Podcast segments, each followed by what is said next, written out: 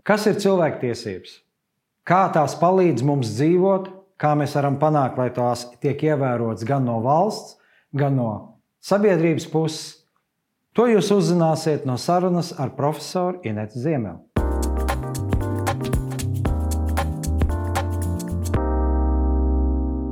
Kas ir cilvēktiesības un ar ko tās atšķirās no citām tiesībām? Cilvēktiesības ir tas, kas katram cilvēkam piemīt dabiski. Um, jo redziet, mēs um, cilvēks attīstības gaitā um, esam vienmēr mēģinājuši saprast, kas lācītam vēderā. Proti, tā kā cilvēks ir apveltīts ar saprātu, ar spēju reflektēt, konceptualizēt, tad visa cilvēces vēsture rāda, ka mēs esam mēģinājuši noskaidrot, nu, kas mēs esam, kas mums tur iekšā ir, kas mūs darbina kā cilvēkus. Un tas ir ģenerējis ārkārtīgi bagātu cilvēces ideju vēsturi, kuras viena no tādām, viens no tādiem būtiskajiem mirkļiem ir tieši nonākšana līdz izpratnei, līdz atziņai, ka cilvēks ir dzimis brīvs. Un uh, ikvienam cilvēkam uh, piemīt uh, dabiski tiesības uz uh, vienlīdzīgiem pam pamatiem, ja, bez jebkādām atšķirībām. Teiksim, neatkarīgi no tā, sieviete, vīrietis, neatkarīgi no tā, vecs, jauns. Uh, tāda vai citāda ādas krāsa, tāda vai citāda teiksim, ticība. Bet nu, mums šīs tiesības ir nepieciešamas. Ja? Tas ir tas, caur ko mēs dzīvojam. Mēs dzīvojam caur savas brīvības un savu tiesību tātad īstenošanu, izmantošanu. Tātad cilvēktiesības ir pati cilvēka būtība. Un līdz ar to jautājums par to, ar ko viņas atšķirās no citām jā, tiesībām. Jā, cilvēki, ko tad iepriekšējais tiesības nebija saistīts ar cilvēkiem no senās Romas? Precīzi, precīzi, bet arī uh, tas viss, arī uh, senās Romas, teiksim, tiesību režīmi, viņi jau veidojās tādējādi cilvēkam sevi atklājot, ja, kas, kas, kas viņš ir, ko viņš dara kā cilvēks miedarbojās ar otru cilvēku. Ja. Tad cilvēktiesības faktiski ir visam, visam pamatā. Un tad jau notiek konkretizācija. Mēs konkretizējam cilvēktiesības, piemēram, tajā tiesību blokā, kā administratīvās tiesības attiecības ar valsti, jā, ar teiksim, šo te mehānismu, kuru cilvēki paši rada, lai sevi pārvaldītu. Jā, lai nevis viņi viens otram būtu ienaidnieks, bet lai viņi kooperētos, lai viņi strādātu teiksim, savam kopējam labumam. Tātad veidošo šīs publiskās tiesības. Ja. Vai arī konkretizējās privātajās tiesībās. Ja. Tad uh, cilvēks saprot, ka nu, kā brīvs viņam ir zināma privāta autonomija, viņš grib veidot teiksim, savu biznesu, savu ekonomisko darbību. Ja. Tālāk tas viss jau veidojās uz šīs privāta autonomijas principa viedokļa iesaistīšanās saistībās, slēdzot teiksim, līgumus un tā tālāk. Un tā tālāk. Bet pašos, paša, pašos pamatos patiesībā ir cilvēktiesības. Patiesībā ir šī atziņa, ka cilvēks ir brīvs, jā, brīvs šajās izpausmēs, šajās darbībās. Jā. Un tad jau mums veidojās pārējās tiesību nozars. Tātad izpratne par cilvēktiesībām ir veidojusies salīdzinoši nesen, ja mēs runājam par tiesību vēsturi kopumā. Um, nesen uh, tikai tāpēc, ka uh, cilvēks vēl ar vienu ir vislielākā uh, mistika. Uh, vēl ar vienu ir faktiski zināmā mērā vislielākais brīnums droši vien uh, uz pasaules. Uh, mēs eh, vēl ar vienu eh, nesaprotam, kā mēs eh, teiksim, funkcionējam līdz galam. Ja? Un tādēļ varbūt nu, tā nonākšana tajā dziļumā, tajā cilvēka būtībā, ja, ir bijis garāks process nekā, piemēram, izveidot tiesību normu kas vai pieņem tiesību normu, kas nosaka to, ka tev būs klausīt tavam vagaram, ja, savu, savu laiku. Ja. Tas viss ir, nu, kāpēc cilvēktiesības šķiet, ka cilvēktiesības mēs atklājam pēc Franču revolūcijas, jā, vai, vai teiksim, pēc Amerikas tātad, apvienošanās kariem, ja tā varētu teikt. Kāpēc liekas, ka salīdzinoši nesenā, nesenā teiksim, pagātnē tas ir, bet tas ir saistīts ar to, cik grūti mums ir nācies pašiem sevi saprast, ja tas ir viens.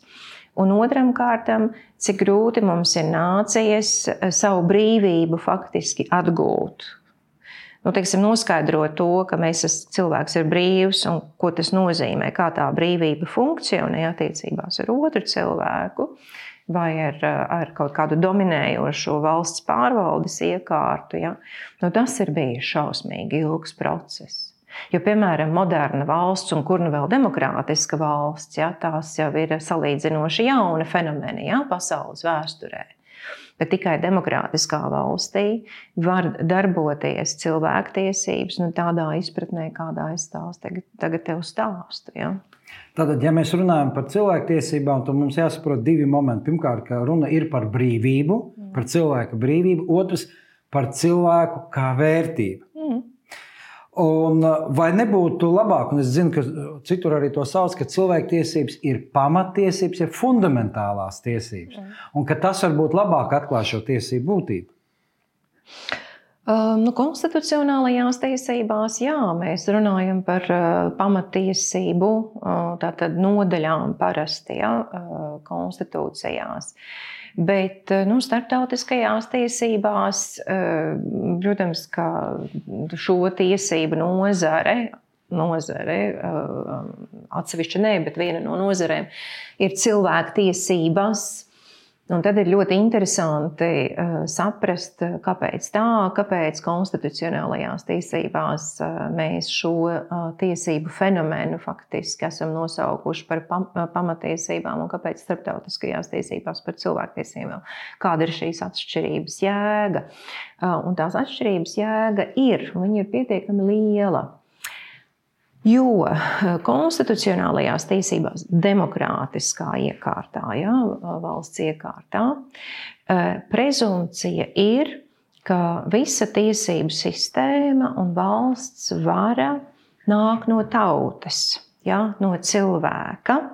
Tātad cilvēks, kas ir tautas eh, nu, sastāvdaļa, kas veido tautu, Līdz ar to, eh, protams, eh, šeit, runājot eh, vienas konstitucionālas iekārtas līmenī, ir pareizi runāt par šo cilvēku un viņa pamatiesībām. Ja? Un, un tad arī pamatiesībām pilnvarot priekšstāvis arī, vai ne? Tāpēc mm, vēlēšana tiesības ir pamatiesības un tā tālāk. Bet starptautiskajās tiesībās ne, mums nav tāda suverēna Tauta kā suverēns nav likumdevējs starptautiskajās tiesībās. Ja?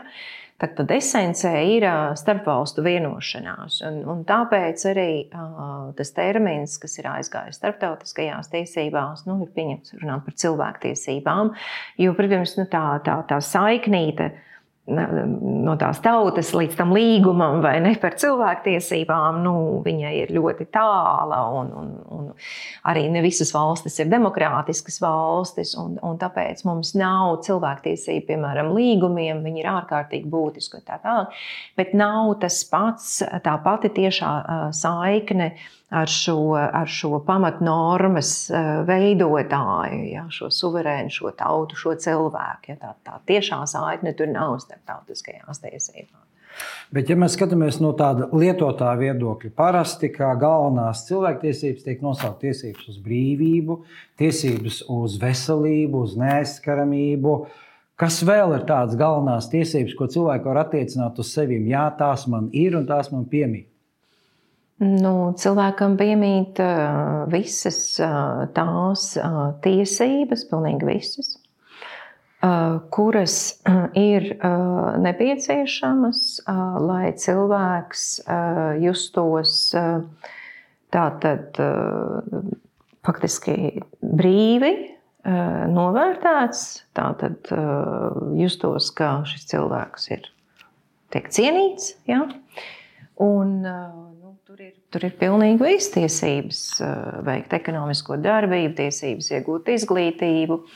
Ja, um, piemēram, cilvēks nespēja nodrošināt sev cilvēka cienīgu dzīvi, aktīvu darbību, um, tad um, mūsdienu loģikā sabiedrība viņam palīdz. Ja, tad tas ir stāsts par sociālajām tiesībām un sociālajām garantijām. Ja. Uh, Tātad um, tiesības um, viņas izriet uh, dabiski no izpratnes par to, ka cilvēks ir brīvs, cilvēkam ir nepieciešams darboties, lai sevi apliecinātu, lai sevi parādītu. Ja? Un cilvēks normālā sabiedrībā sagaida, izturās pret otru cieņpilni un sagaida, ka pret viņu izturās cieņpilni. Ja? Un tad jau vispārējais nu, teiksim, konkretizējās tajā, lai regulētu tās darbības, kuras cilvēks veids attiecībās ar otru cilvēku vai cilvēku grupu. Ja? Nu, būtībā tur nekādas tādas um, milzīgas ābeces nav, ja tā varētu teikt. Nezinu, ja mēs pajautātu cilvēkam uz ielas, bieži vien teikt, ka nu, cilvēktiesības tas ir tad, kad kāds kaut kāds tur savādāks cilvēks kaut ko uzskata, ka viņam kāds nodarījis pāri, un tāpēc viņš mm. uzrakstīja lielu sūdzību. Bet mm. nereti cilvēki neatiecina, ka tas skar viņus ikdienā. Un vēl ar vienu problēmu saka, bet cilvēki ir dažādi. Vieni ir aktīvāki, vieni mazāk aktīvi, vieni sociāli un finansiāli lab, labvēlīgāki, citi mazāk labvēlīgi. Kā var, vai tad viņiem ir vienādas šīs tiesības, mm -hmm. cilvēktiesības? Mm -hmm. Nē, protams, tiesības ir vienādas. Nu, citi ir varbūt tās bijuši čaklāki. Ehm, kaut kādas ehm, radošāki, čaklāki, radošāki, centīgāki, varbūt mācībās ja, un, un, un darbos.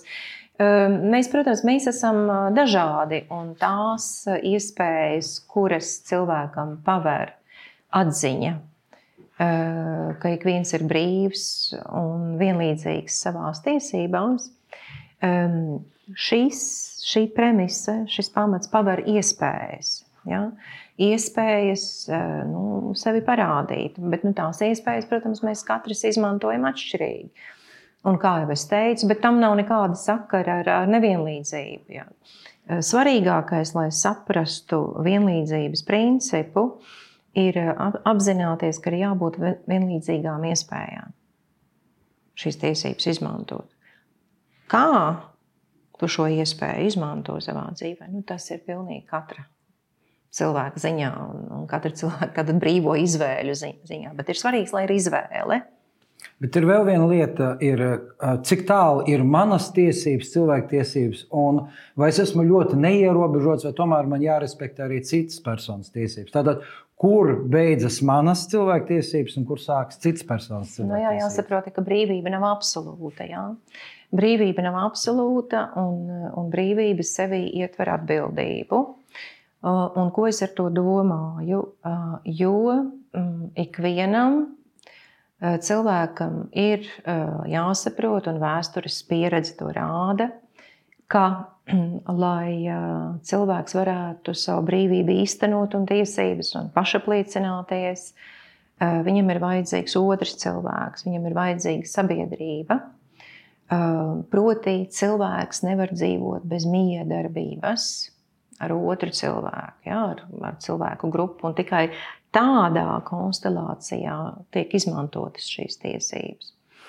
Un, ja cilvēks, izmantojot savas tiesības, traucē šai miedarbībai, ja, un traucē šim apusējam procesam, proti, nu, es uh, dodu kaut ko, es dodu savu ideju, ja, un es sagaidu, ka otra puse šo ideju uztver, un ka mēs varbūt viņu īstenojam kopā. Ja.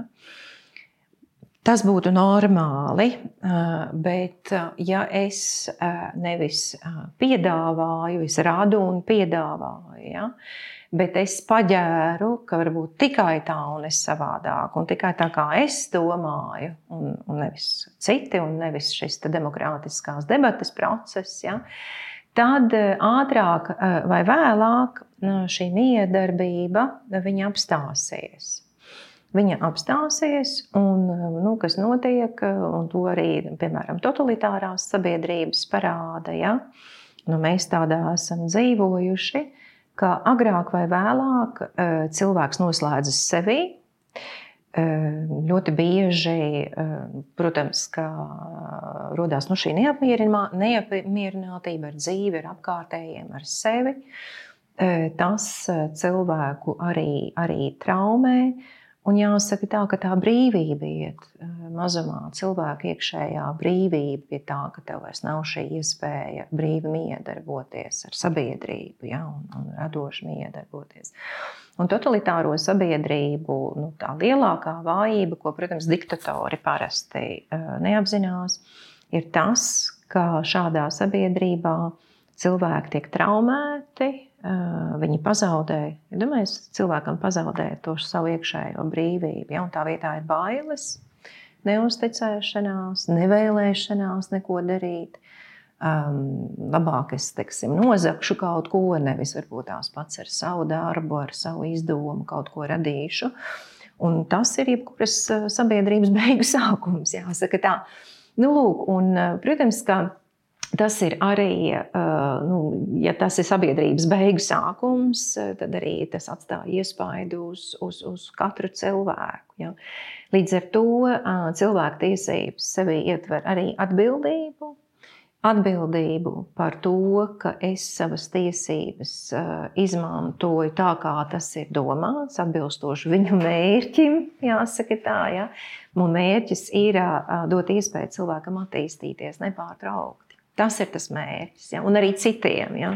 Tad, ja mēs runājam par brīvību, šeit nav tāda izpratne, ka es daru, varu darīt jebko nerēķinoties Nē. ar citiem, Nē. bet brīvība tā ir spēja mm. Bez nevajadzīgas iejaukšanās no ārpuses mm. attīstīt sevi. Mm. Un kas ir svarīgi, ir e, mums palīdz šīs cilvēktiesības aizsargāties ne tikai pret, nu, ja teikt, pret valsts nevajadzīgu iejaukšanos mm. no ārpuses, bet arī no citu personu iejaukšanos mūsu brīvībā, cik tālu tas ir pieļaujams vai samērīgs konkrētai demokrātiskā sabiedrībā. Nu, tieši tā.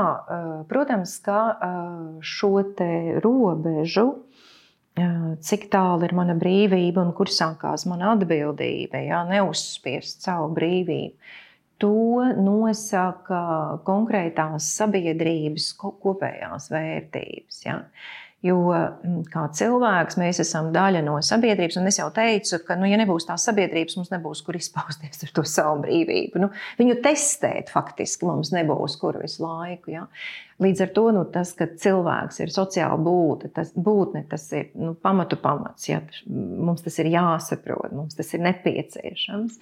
Nu, lūk, un, ja mums nebūs uh, pretī uh, arī nu, tāda pati um, brīva sabiedrība, relatīvi jāsaka, tā brīva, jo uh, nu, ir sabiedrības attīstās uh, dažādi. Tad arī tam cilvēkam, nu, atkal, ja tas cilvēks nevar izpausties un nevar attīstīties, līdz ar to ir jāsaprot, ka īstenojot savas personiskās tiesības, vienmēr ir jāņem vērā sabiedrības kopējais tas, tas, tas vērtību, teiksim, nu, tāds ietvers, ka, ko nosaka konstitūcija, mūsu gadījumā satversme. Ja? Un ir jābūt faktiski dialogā ar šīm kopējām vērtībām. Ja? Un ir jāsaprot, ka nu, ikvienam faktiski ir tiesības arī turpināt tālāk šo sarunu par kopējām sabiedrības vērtībām. Tas ir ļoti vajadzīgs. Dzīvai sabiedrībai nepārtraukti ir jārunā par kopējām vērtībām. Viņas nepārtraukti arī testēt, šajā laikmetā, 21. gadsimtā, digitālajā laikmetā, vai tas, kas darbojās mūsu sabiedrībā 20. gadsimtā, viņš vēl ar vienu ir aktuāls. Ja? Varbūt mums ir jāpaskatās teiksim, uz, uz sabiedrības kopējām vērtībām, nu, mazliet kaut kādas nianses jāievieš. Ja? Un tad es ar savu tiesību izmantošanu nepārtrauktā dialogā ja? ar, ar šo kopējo nu, nepieciešamību, kopējo labumu. Tas, tas ir ārkārtīgi svarīgi to arī, to arī nu, tādā veidā saprast.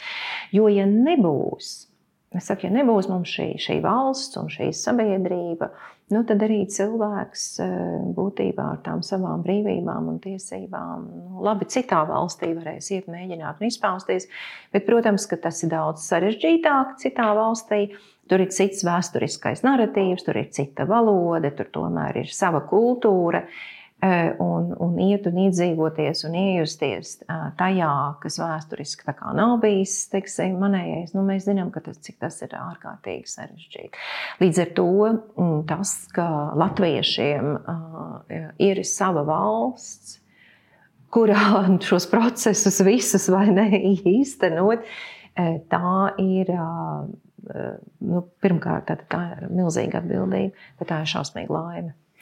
Bet ko mums darīt tā saucamajā cilvēktiesību konkurences gadījumā? Piemēram, tiesības paust brīvi uzskats un personas neaizskaramība. Mm -hmm. Tā ir diezgan nopietna problēma. Kā mm -hmm. to risināt?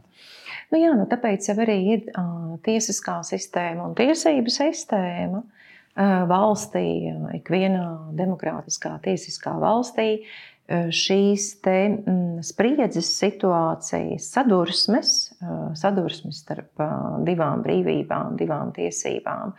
Tās tik tiešām sabiedrības vairākums pasaka, tāpēc, ka mums ir tāda kopējā vērtība, mēs šo sadursmi risināsim šeit. Un šeit mēs novelkam to robežu.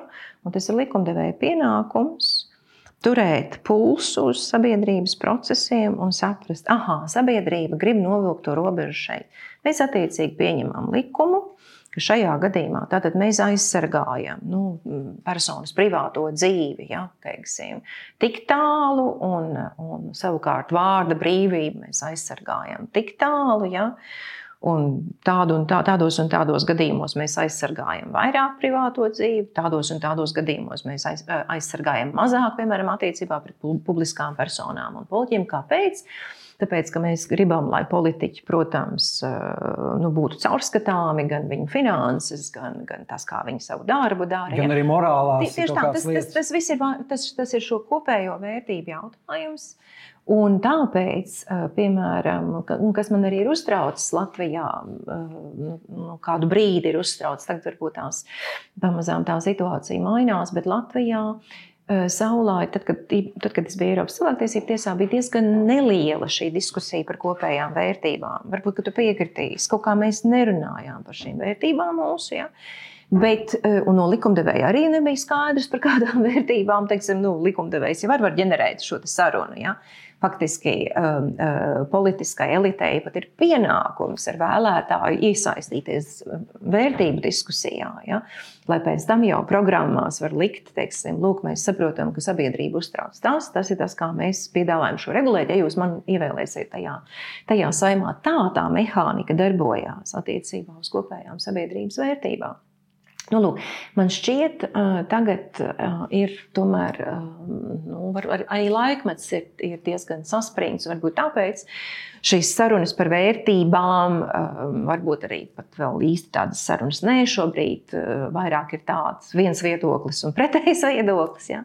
Bet tāda kopēja diskusija par to, kas tad raksturo Latvijas sabiedrību un kādas vērtības Latvijas sabiedrībai ir svarīgas kopējās.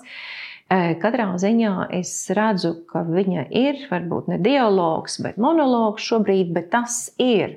Un tas ir ļoti, ļoti, ļoti vajadzīgs. Ja. Um, nu, pēc tam jau tas rezultējās likumdošanas uh, procesā, un tad jau tiesas uh, skatās, vai likumdevējs kritērijs ir noteikts. Un tiesas pašas, protams, tiesas ir ārkārtīgi svarīgas, jo tiesās uh, tiek uh, izvērtēts samērīgums.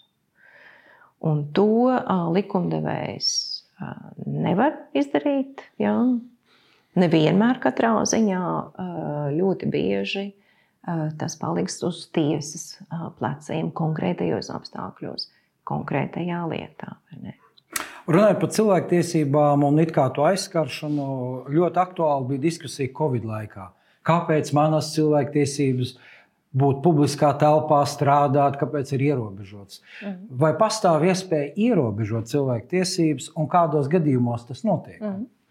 Nu, Covid eh, konteksts ir tāds eh, ļoti klasisks eh, cilvēku tiesību faktiski piemērs. Viss tas, ko mēs šobrīd runājām, jā, tur, tur arī izspēlējās. Un pie kam visu, visi aspekti sastājās šajā stāstā. Ja? Un tad, ko mēs redzam? Mēs redzam, ka uh, uh, visas valsts, tostarp uh, Latvija, pēkšņi ir nostādītas fakta priekšā, ka ir uh, viena, uh, viens lipīgs vīrus, pilnīgi jauns. Uh, mēs nezinām, kādu iespaidu vispār šis jaunais vīrus atstās uz cilvēkiem. Un, protams, um, cilvēces, um, īpaši Eiropas vēsturiskajā atmiņā, kas ir nosēdies? Mēris. Un tas to nedrīkst šo, kas mūsu faktiski DNSā ir nosēdies, ja, to nedrīkst par zemu novērtēt. Tātad mums nāk, kas mums acīs zemapziņā darbojas tie kadri, Ir daudz mirušo. No kuriem gadsimtiem pēc mēra? Ja? Neizslēgsim šo faktoru. Jo, teiksim, antropoloģiski ir pilnīgi skaidrs, ka mēs kā cilvēces vēstures šobrīd dzīvē nesēja, ja, ka mūsos tur ir iekšā ļoti daudz kas. Nu, lūk, tā tad tas ir šāds, šāda, šāds uh, vīrus. Tātad tā jau ir pirmā uh, reakcija, kas, kas parādās īpaši lēmumu pieņēmējiem. Ja, ka viņi kādos darīs visu, ko, lai tāda bilde nebūtu Eiropā. Ja? Bet pirmās informācijas no Itālijas un tā tālāk patiesībā bija ļoti līdzīgas, vai ne? Nu, lūk, viens aspekts. Otrs aspekts. Tātad Latvija nav izolācijā vairāk. Latvija ir Eiropas Savienības dalībvalsts, Latvija ir teiksim, Eiropas kopējā kultūra telpā, Latvija ir pasaules nu, viena no saka, 193 ANO dalībvalstīm. Tātad šādā arī konstelācijā Latvija nevar vairs darboties kā tāda uh, saliņa, teiksim, klusajā okeānā. Ja? Mēs, protams, ka mēs klausāmies, ko kolēģi saka citur, un arī attiecīgi uh, pie, pieņemam lēmumus. Tas ir viens. Līdz ar to Tad teikt, ka uh, Latvijas valdība viena pati kaut ko ņēma un izdomāja, ja, tas arī uh, būtu nekorekti. Nākamais, uh, jā, ir gala beigās tomēr likumdevēja lēmums. Tad likumdevējs tur roku uz pulsa. Kas notiek sabiedrībā? Protams, ka sabiedrībā ir cilvēki, kas ir ļoti spēcīgi savā, savā brīvībā, ja, un, un pastāv uz to, ka tikai viņi var pieņemt konkrēto lēmumu, vai vakcinēties vai nē. Uh, un ka kaut kādam sabiedrības kopējam viedoklim šeit vispār nav nekādas lomas viņu konkrētajā dzīvē. Tas Latvijā arī ir diezgan bieži saprotams, sastopams fenomens, ne tikai Covid apstākļos. Ja? Tātad, jā, ir daudz cilvēku, kas uz, uzsver tikai un vienīgi savu brīvību, kur ir absolūta, tātad viņu skatījumā. Nu, un tad ir uh, sabiedrības, teiksim, šajā gadījumā es pieņemu, ka tas bija vairākums, bet nu, tā statistika varbūt tās uh, jāpaskatās. Ir. Un tad ir tie, kas jā, klausās likumdevējā, tomēr uzskata, ka ir bīstamība, zin, redz tās bildes mēra, ja, un saka, nē, nē, nu, mums jāiet uz to vakcinēšanos un visiem obligāti un tā tālāk. Nu, tāds bija tas process Latvijā. Tieši šāds. Un tad likumdevējs, protams, lēma gan par ārkārtas stāvokli, kas tajā brīdī, kad mums ne, nav absolūti nekādas izpratnes, kas notiek, ir diezgan pamatoti no valsts aizsardzības viedokļa. Ja. Un tad nākamais kur ļaut cilvēkiem tikties, kur neļaut, ko darīt ar darba vietām, ko nedarīt, kā vispār nomotivēt tos cilvēkus, kas, uz, kas tikai par savu brīvību domā, par sabiedrību kopumā iespējams nedomā, ja? kā tos nomotivēt, ko ar viņiem darīt. Nu, lūk, tas bija, man jāsaka, likumdevējam ārkārtīgi, ārkārtīgi sarežģīts brīdis. Ja? Uh, Un arī tāds, eh, to varēs tiešām antropologi pētīt, bet eh, ārkārtīgi um, tāda situācija, kurā tik tiešām parādījās tas, nu, kāda mēs esam, kā cilvēki Latvijas valstī. Ja? Un tik tiešām kā mēs izjūtam to, to savu brīvību. Ja? Um, tur nu, galīgās atbildes nebūs. Bet eh, es teiktu, manā skatījumā, pie tās informācijas, kas mums bija, likumdevēja soļi bija pa lielam korekti. Un, protams, un tas, kas varbūt bija nesamērīgs, kas par daudz iejaucās katra individa brīvībā, tur es paļaujos, ka tiesas to vērtēs. Līdz ar to tur nešaubīgi ir jāskatās uz konkrētiem apstākļiem, konkrētās darba vietās. Ja. Piemēram, vai cilvēki, nu, kuri jā, tādu vai citādu savas pārliecības dēļ atteicās, piemēram, vakcinēties, vai viņiem nevarēja iedot darbu, kur nav šī saskarsme, ja, piemēram, ar citiem cilvēkiem. Jo nu, valsts jau tos citus mēģināja aizsargāt. Ja. Un, piemēram, citās darba vietās to varēja izdarīt, citās darba vietās to nevarēja izdarīt. Un tad gala beigās, protams, valsts amatpersonas, jā, kādu piemēru valsts amatpersonas rāda. Un, un tur, ja, protams, ir cita latiņa atkal. Jā. Un valsts amatpersonām līdz ar to tā viņu brīvība ir daudz, daudz šaurāka. Un tas ir jāsaprot, ja tu esi strādāt valsts darbā, kurš zināmā mērā eh, viņš nav viegls, bet eh, nu, eh, tur riski ir mazāki tādā ziņā, ka tu zini, ka tu viņu nepazaudēsi. Jo cerams, ka valsts visu laiku tev būs un tev tas darbs būs, bet līdz ar to arī tev ir pilnīgi citas attiecības ar tavu brīvību šādā kontekstā. Viņa reāli ir mazāka. Tātad likumdevējs drīkst ierobežot cilvēku tiesības, bet tam ir jābūt uz likuma pamata, samērīgi un uz kaut kādu īstu termiņu izvērtēt kaut kāds apstākļus. Pilnībā ierobežot nevar, vai ne? Nē, nu ir arī absolūti ierobežojumi. Absolūti ierobežojumi ir mums Latvijā. Tas ir bijis attiecībā uz uh, tātad notiesātām personām, ja, kas, nu, kurām ir virkni teiksim, amatu, kas, piemēram, pedagogs. Ja. Eh, par ko viņa cilvēks nevar būt. Bet pie eh, tajā situācijā, kad likumdevējs izdomā nevis pieņemt eh, tiesību ierobežojumu, tātad kādas fundamentālas sabiedrības intereses vārdā un, protams, izsvērē, iz, izsver, kāds tas ierobežojums ir, jo pēc iespējas mazākam viņam jābūt. Ja? Demokrātiskā tiesiskā valstī brīvības ierobežojumam jābūt iespējami mazākam ko likumdevējs var iedomāties. Bet tajā brīdī, kad likumdevējs tiešām veselai grupai kaut ko noliedz darīt, jā, tas ir nu, pretēji, protams, demokrātisks, tiesisks valsts vispār būtībai. Jā. Un līdz ar to pie absolūta aizlieguma mm, ir jānosaka nu, pavisam cits tas izvērtējums, likumdevēja darba izvērtējums, pilnīgi cits. Mēs satversmes tiesā, kad es biju, mēs mēģinājām konceptualizēt metodi, pēc kādas ir jāvērtē absolūtais aizliegums. Ja. Mm, tā kā dažos no nolēmumiem, pie kuriem es strādāju, tā metode ir. Bet nu, jāskatās, vai, vai Latvijas teiksim, tradīcijā tas, tas nostiprinās. Katrā ziņā mana pārliecība ir, ka pie absolūta aizlieguma, kurš ir pēc loģikas pretējs, ir jābūt ļoti augstai teiksim, prasībai pret likumdevēju, kāpēc vispār kaut kas ir absolūti aizliegts. Vai cilvēktiesības pazūd tad, kad sākas karš, piemēram, Ukrajinā? Vai cilvēktiesības paliek? Mm. Nē, nu paliek. Protams, ka paliek. Um, tas, uh, tas gan uh, ir atkal viens tāds uh, cilvēks vēsturē izkristalizējies, jāsaka, tā izkristalizējusies atziņa ka uh, arī uh, karā, uh, vedot karu, uh, ir konkrēti noteikumi jāievēro. Nu, pirmkārt, karš ir aizliegts. Sāksim ar to pēc 45. gada. Pēc ANO izveidošanas, pēc diviem pasaules kariem, paldies Dievam, cilvēks saprata, ka mēs nevaram pieļaut karu. Diemžēl ir tādas valstis, kas to nesaprot un ir klajā, klajā pārkāpj šo pasaules teiksim, tādu pamatnormu.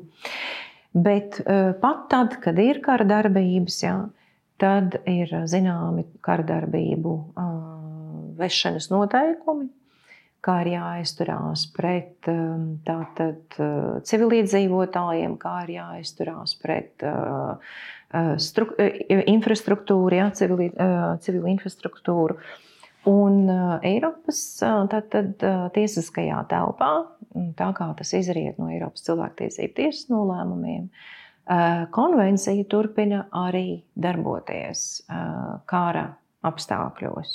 Ja? Um, bija tagad nesen viena, viens nolēmums uh, Grūzija pret Krieviju lietā, kas mani nedaudz pārsteidza. Es būšu pilnīgi, teiksim, es būtu pilnīgi transparenta atbildot uz tavu jautājumu. Jāsaka tā, ka ir viens spriedums uh, nesenajā tiesas judikatūrā, kur man par lielu pārsteigumu un pretēji tam, kāda judikatūra bija bijusi, uh, Grūzijas, Krievijas lietā tiesa pateica, ka ka ir viens tāds mirklis Grūzijas, tātad Krievijas kara darbībā pret Grūziju, jā, 2008. gadā, kad tātad šīs kara darbības nu, ir visaktīvākajā jā, stadijā, un ka tad esot grūti pateikt, uz ko tad attiecināt pienākumu pildīt Eiropas cilvēktiesību konvenciju. Tātad aktīvajā bombardēšanas ja, stadijā. Vai... Kaut kas ar cilvēktiesībām jā, noteikti neskaidrs. Jā, es, ja? es teikšu tā, es neesmu par šo pārliecināta. Jā, par šo pieeju. Jā, protams, ir aktīva, ir uzbrukuma teiksim, brīdis, stadija. Bet eh, pirmām kārtām no starptautisko humanitāro tiesību viedokļa nu, arī, arī tur ir eh, zināmi standarti, ka, piemēram, ieroču veidi pat ir aizliegti, ja, kurus drīkst izmantot. Nu, tad, kad mēs viņus izmantojam, mēs zinām, ka ir pārkāpums ja, no starptautisko tiesību viedokļa. Ir eh, zināmas arī nu, samērīgums, ir jebkurā gadījumā ir jāievēro vienmēr. Un kas attiecās e, tātad, uz kara darbības vešanas e, pienākumu, kuram ir cilvēku tiesību dimensija, jāsaka tā, nu, tas jau nepazūd arī pašā akūtajā teiksim, kara darbības. Tā, tā, tas nepazūd, vismaz es teiktu, cilvēktiesības nepazūd arī tādā nelēmē, kā. Bet, nu, skatīsimies, ko tālāk Eiropas cilvēktiesību tiesa dara. Un tad ir jautājums par Eiropas cilvēktiesību mm. tiesu. Tas ir centrālais, ir centrāla institūcija, kas nodarbojas ar cilvēktiesību aizsardzību Eiropā. Cik tā ir efektīva un kā to labāk izmantot? nu, jāsaka tā, man jau būtu jājautā pretī, cik tā bija efektīva. Nu, es esmu tur diezgan ilgi, gandrīz desmit gadus bijusi un, un nesusi to Eiropas cilvēktiesību tiesas stāstu Latvijā. Un, un tad mēs šeit no vietas mums jāskatās. Ir kādu ietekmi tiesas nolēmumi ir atstājuši. Tad, kad Lūk, tiesa nospriež, ir, bet problēma ir, ka, diemžēl, ne visas lietas tiesa, Eiropas uh, cilvēktiesība tiesa pieņem izskatīšanai. Un bieži vien tu nesaproti, kāpēc, tas īsais formulējums neatbilstība tiem 30, mm. kuram tam pantam, un viss, mm. tu nesaproti, kas tad ir. Respektīvi. Tiesības taisnīgi, tiesa, tiesības brīvības, veselība mm. tev ir iekšā, un beigās tev pasaka, nē, mēs mm. neskatīsim šo jautājumu. Mm. Mm. Nu jā, tas ir, tas ir saistībā ar, tās, ar šīs sūdzības pieņemšanas kritērijiem, 35. pāns. Bet, nu, redziet, ir tā, ka Eiropas cilvēktiesību tiesa nekad nevarēs izskatīt katra 800 miljonu iedzīvotāja iespējamo tiesību pārkāpumu. Tā viņa nav tā domāta. Primāri tiesības ir jāaizsargā katrai valstī. Primāri jāaizsargā lūk, valsts policijai, prokuratūrai, tiesām un likumdevējiem ir jādara korekts darbs. Jā. Nevar, tā loģika ir nu, vienkārši ir nepareiza. Nu, tā nav ceturtā instance. Jā, ja mēs tā skatāmies, tas ir saprotami. Tieši tā, ne, nevar domāt, ka Eiropas cilvēktiesība tiesa tagad eh, būs nu, tā eh, labākā un skaistākā valsts Eiropā, eh, kas nodrošinās katra cilvēka tiesības. Tā tas nav. Eiropas cilvēktiesība tiesa, lai arī kā viņi ir centusies tiešām pēc iespējas pieņemt, nu, tad, kad ir pieņemams individu sūdzības, mēs, tas, tas nav reāli. Es, es vispār brīnos, kā šī tiesa spēja izdarīt to, ko viņa izdara, jo viņas līdzekļi nav lieli, budžets netiek dots tik liels, kā viņai vajadzētu. Ja? Valdības nav tā, ka viņu pārfinansē tur, lai, ne, lai neteiktu tā, tikai nu, tā, tā finansē. Ja? Līdz ar to Protams, ka tas ir Eiropas sasniegums. Eiropa šausmīgi lepna ir par šo konvenciju, šo tiesu un šo sistēmu. Un spriedumi ir radikāli mainījuši ja, tiesisko kvalitāti dalību valstīs. Par to, ieskaitot Latviju, es domāju, mēs neviens nešaubamies par to. Bet mums ir arī jāsaprot, ka Eiropas cilvēktiesība tiesa nu, nav, nav tā brīnuma nūjiņa. Mm kuru pavicinās un, un viss mainīsies. Un tur jāsaprot, ka, lai ietu uz Eiropas, sainību, Eiropas cilvēktiesību tiesu, tad pirmkārt jāizsmeļ visi iekšējie resursi. Tas nozīmē, jāmēģina gūt tā taisnīguma uh, triumfs lokāli, ar lokālo tiesu. Jāpārliecinās, vai tur nav pretrunu likumi, tad jāvēršās arī konstitucionālajā tiesā, un tikai pēc tam drīkst vērsties Eiropas uh, cilvēktiesību tiesā. Tā kā tur ir noteikti procedūras, noteikti prasības. Mm. Tur jebkurš tāpat par jebko nevar uzrakstīt sūdzību. Mm. Tas ir normāli, nu, arī, arī nacionālajā līmenī. Nu, ja man nepatīk, ka tramvajs ir piebāzts, pārbāzts, pilns un ka tur nav gaisa. Eh, nu, protams, ka jā, nu, tā ir. Tā, tāpat varētu būt eh, zināmā mērā cilvēku tiesība, teiksim, tāda problēma. Bet, nu, ko tu dari, tad tu vērsies tramvaju un trolēļus pārvaldē vai ne? Uh, ar, ar, tomēr ar, ar sūdzību par to, ka publiskais transports neatbilst nu, kaut kādiem minimāliem cilvēku cienīgiem publiskā transporta vai ne izmantošanas teiksim, apstākļiem. Tas viss ir jārisina uz vietas, nu, ar, protams, ar savu izpratni un savu iniciatīvu. Un cilvēktiesības, lai būtu skaidrība, neatiec tikai uz cilvēkiem, noteikti attiec arī uz juridiskām personām.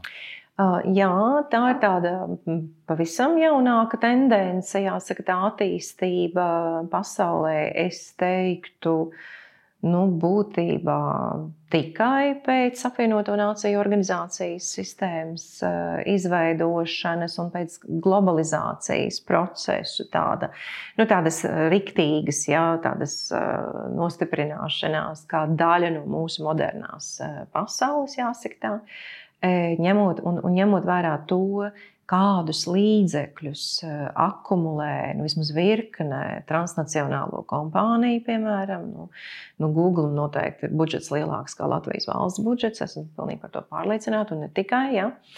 Un līdz ar to pamazām uh, veidojās izpratne, kuru mēģināja sasistematizēt tieši Eiropas apvienoto nāciju organizācija, ka tomēr uh, ir šīs kompānijas, kas ir uh, ļoti ietekmīgi spēlētāji ja, uh, pasaules procesos. Un, man liekas, no šīs izpratnes tieši uh, veidojās arī tas, ka Tā, nu, tur ir jādomā par pienākumiem šīm kompānijām, par pienākumiem. Bet, ja mēs gribam uh, prasīt no kompānijām arī publisko kaut kādu atbildību, tad ir jāsaprot, ka viņiem arī tīri privātā kārtā jāsaka, tā var būt arī kaut kādas tiesības. Ja? Nu, protams, tiesības gan uz viņu īpašuma aizsardzību, īpašuma tiesības gan arī strīdu izskatīšanu, teiksim, taisnīgā tiesā no konkurentu. Ja? Um, tā, tas taisnīgs tiesas standarts ir tieši tāds pats kā divu individu, piemēram, strīdā. Ja? Uh, tā kā jā, tur parādās arī, arī piemēram, nu, vārda brīvība, kur pirmām kārtām jau attiecās uz, uz medijiem, jā, medijiem arī kā juridiskām personām. Nu, lūk, tā kā jā, dzīve ir tās, tās cilvēku attiecības, tas, kur, kā un kur, kādos ietvaros cilvēks miedarbojās, tas ir tik ļoti dažādas tās formas. Ir, ja? Es varu individuāli kaut ko darīt, teiksim, kā individuālais ražotājs, vai es varu, protams, strādāt vienā lielā vai mazā kompānijā. Un tur man kā darba ņēmējam ir manas tiesības ja, pret darba devēju, bet vienlaicīgi arī kā kompānijai, no nu, atkarībā no jomas, kur tā kompānija darbojas. Protams, ka man ir manas tiesības, bet ir arī pienākumi. Ja.